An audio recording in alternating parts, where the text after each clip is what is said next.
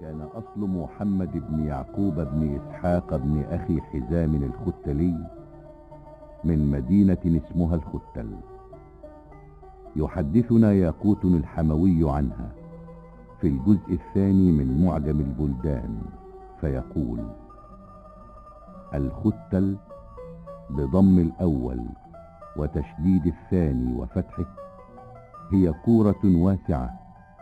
كثيرة المدن تقع خلف نهر جيحون وهي على تخوم السند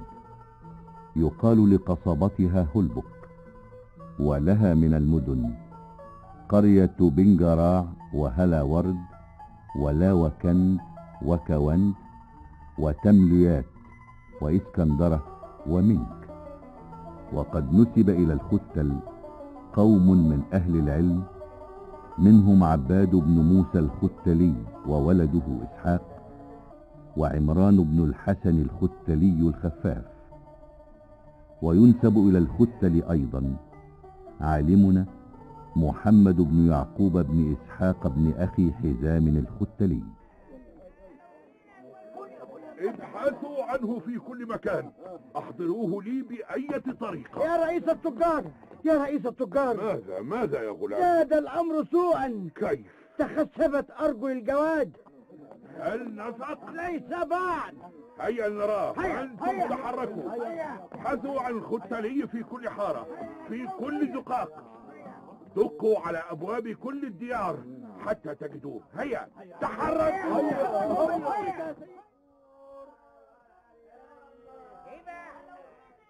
السلام عليك أيها الوراق وعليك السلام يا كاتب رئيس التجار مرحبا بك هل رأيت الختلي اليوم؟ لا أتعلم أين أجده؟ في داره هو ليس في داره ورئيس التجار يطلبه حالا سيدي رئيس التجار نعم فيما؟ دعنا من سبب طلبه ودلني على الأماكن التي يمكن أن أجده فيها أنا علمت أنه يتردد عليك أحيانا نعم فنحن ننسخ له كل فصل يؤلفه في كتاب الخيل والبيطرة أولا بأول المهم أين يمكن أن يكون؟ في دار الحكمة لا لا ليس هناك إذا ففي خزانة الكتب وليس في خزانة الكتب هل سألتم عنه حاجب أمير المؤمنين؟ فربما ذهب إليه في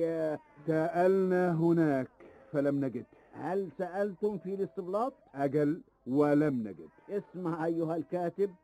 ألم تخبركم زوجته أين ذهب الختلي؟ لا أحد في داره ولماذا لم تقل ذلك من بداية الأمر؟ آه وماذا يفيد ذلك أيها الوراق؟ آه يفيد كثيرا كيف؟ ما دام ليس في الدار لا هو ولا زوجته فهذا يعني أنهما في مكان من اثنين آه ما هما؟ إما أن زوجته مرضت وفي هذه الحالة سوف تجدهما في الديمارستان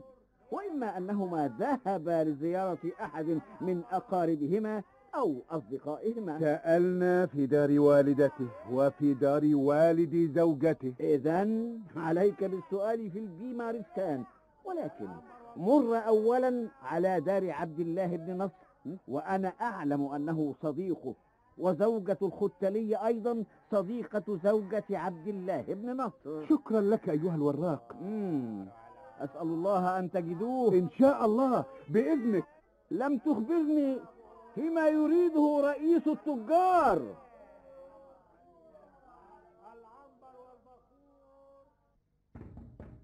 من؟ أنا عبد العزيز بن عبيد الله كاتب رئيس التجار يا مرحبا يا مرحبا السلام عليك يا عبد الله بن نصر وعليك السلام ورحمة الله وبركاته أعتذر لهذا الإزعاج لا عليك تفضل بدخول شكرا لك إنما كنا نبحث عن محمد بن أخي حزام الختلي وعلمنا أنك صديقه فسعينا لسؤالك عنه إن كنت تعلم أين نجده تفضل بالدخول فهو عندي أحقا؟ نعم أيها الكاتب الحمد لله استرح هنا حتى أدعوه لك حياك الله لحظة واحدة يا ختلي أه، خيرا يا عبد الله آه، أجب عبد العزيز بن عبيد الله عبد العزيز بن عبيد الله نعم كاتب رئيس التجار وفيما يريدني والله لا أدري ولكن يبدو أنه بحث عنك في كل مكان حتى جاء يسأل عنك ها هنا اذهب فانظر فيما يريدك يا خدتلي حسن مرحبا يا أخي أخيرا أخيرا وجدتك يا خدتلي خيرا أيها الكاتب سيدي رئيس التجار يطلبك حالا يطلبني أنا نعم يا خدتلي وفيما يريدني إن شاء الله لديه جواد يعتز به كثيرا ومرض الجواد لا لا بل إنه ينفق أنا قادم معك حالا فانتظرني حتى أبلغهم أني سأخرج يا خدتلي مرحبا يا عواد أرجو أن تزورني حين تجد لديك وقتا فإني في حاجة إليك خيرا يا أخي المهر الذي ولد منذ ثلاثة أسابيع ما به أحواله لا تعجبني يا خدتلي تعجل بالله عليك سأمر عليك يا عواد إن شاء الله شكرا شكرا لك هنا أيها الكاتب أجل أجل السلام عليكم وعليك السلام يا خدتلي أين كنت؟ هذا هو الجواد نعم لقد نفق أ- أفسح الطريق يا غلام آه، نا- ناولني هذه العصا تفضل ما بك يا خدتلي أتخشى أن تلمس الجواد فتكشف عليه بالعصا لديك جياد أخرى يا رئيس التجار أمامك جوادان آخران لكن هذا الجواد كان هو جوادي المفضل ومتى بدأ مرضه منذ أيام قليلة ولماذا لم تدعوني بمجرد تغير أحوالي آه هذا مكان والله لقد كان جوادا أصيلا أحملوه أيها الغلمان وألقوا به في نهر دجلة مكانكم ماذا يا خدتلي من أسوأ التصرفات التي يقوم بها الناس إلقاء الدواب النافقة في النهر كل دابة تنفق يجب دفنها آه احملوه إذا لتدفنوه لا يمسسه أحد الله ما الأمر يا رجل احفروا له حفرة ها هنا بجانبه حفرة كبيرة ثم ضعوا فيها أخشابا وحطبا ثم ادفعوه بواسطة قطع من الخشب حتى يسقط في الحفرة ثم ضعوا عليه أخشابا وحطبا وأشعلوا فيه النار حتى يصير رمادا ثم أهيلوا على رماده التراب بعد ذلك ولماذا كل هذا يا خدتلي سوف أخبرك فيما بعد أخبرني حين ينتهي الغلمان من عملهم بل تخبرني الآن لا بأس لا بأس مرهم بأن يبدأوا الحفر وسوف أنا لا أفعل ما لا أفهم يا خدتلي ولا آمر إلا بما أنا مقتنع به تمام الاقتناع أم تراك تظنني أحد الغلمان عفوا يا رئيس التجار إنما أريد إنما ماذا؟ تعال تعال إلى هذا الجانب ها ما الأمر؟ أنا لا أريد أن يصاب غلمانك بالرعب إنما أريد أن يؤدوا ما أطلبه منهم فينفذوه كما آمرهم به تماما حتى لا يؤذى أحد منهم لقد جعلتني أنا نفسي أتوتر يا خدتلي فما الأمر؟ جوادك قد مات بالطاعون يا حفيظ لذلك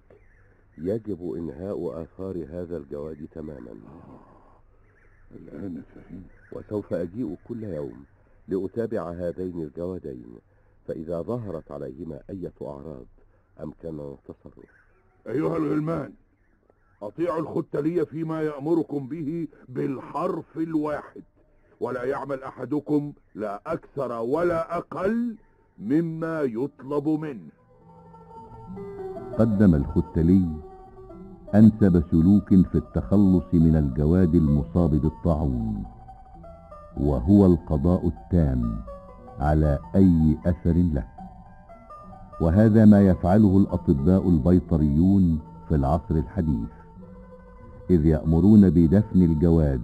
في الجير الحي في حفرة ثم يهيلون عليه التراب وهذا ما فعله الختلي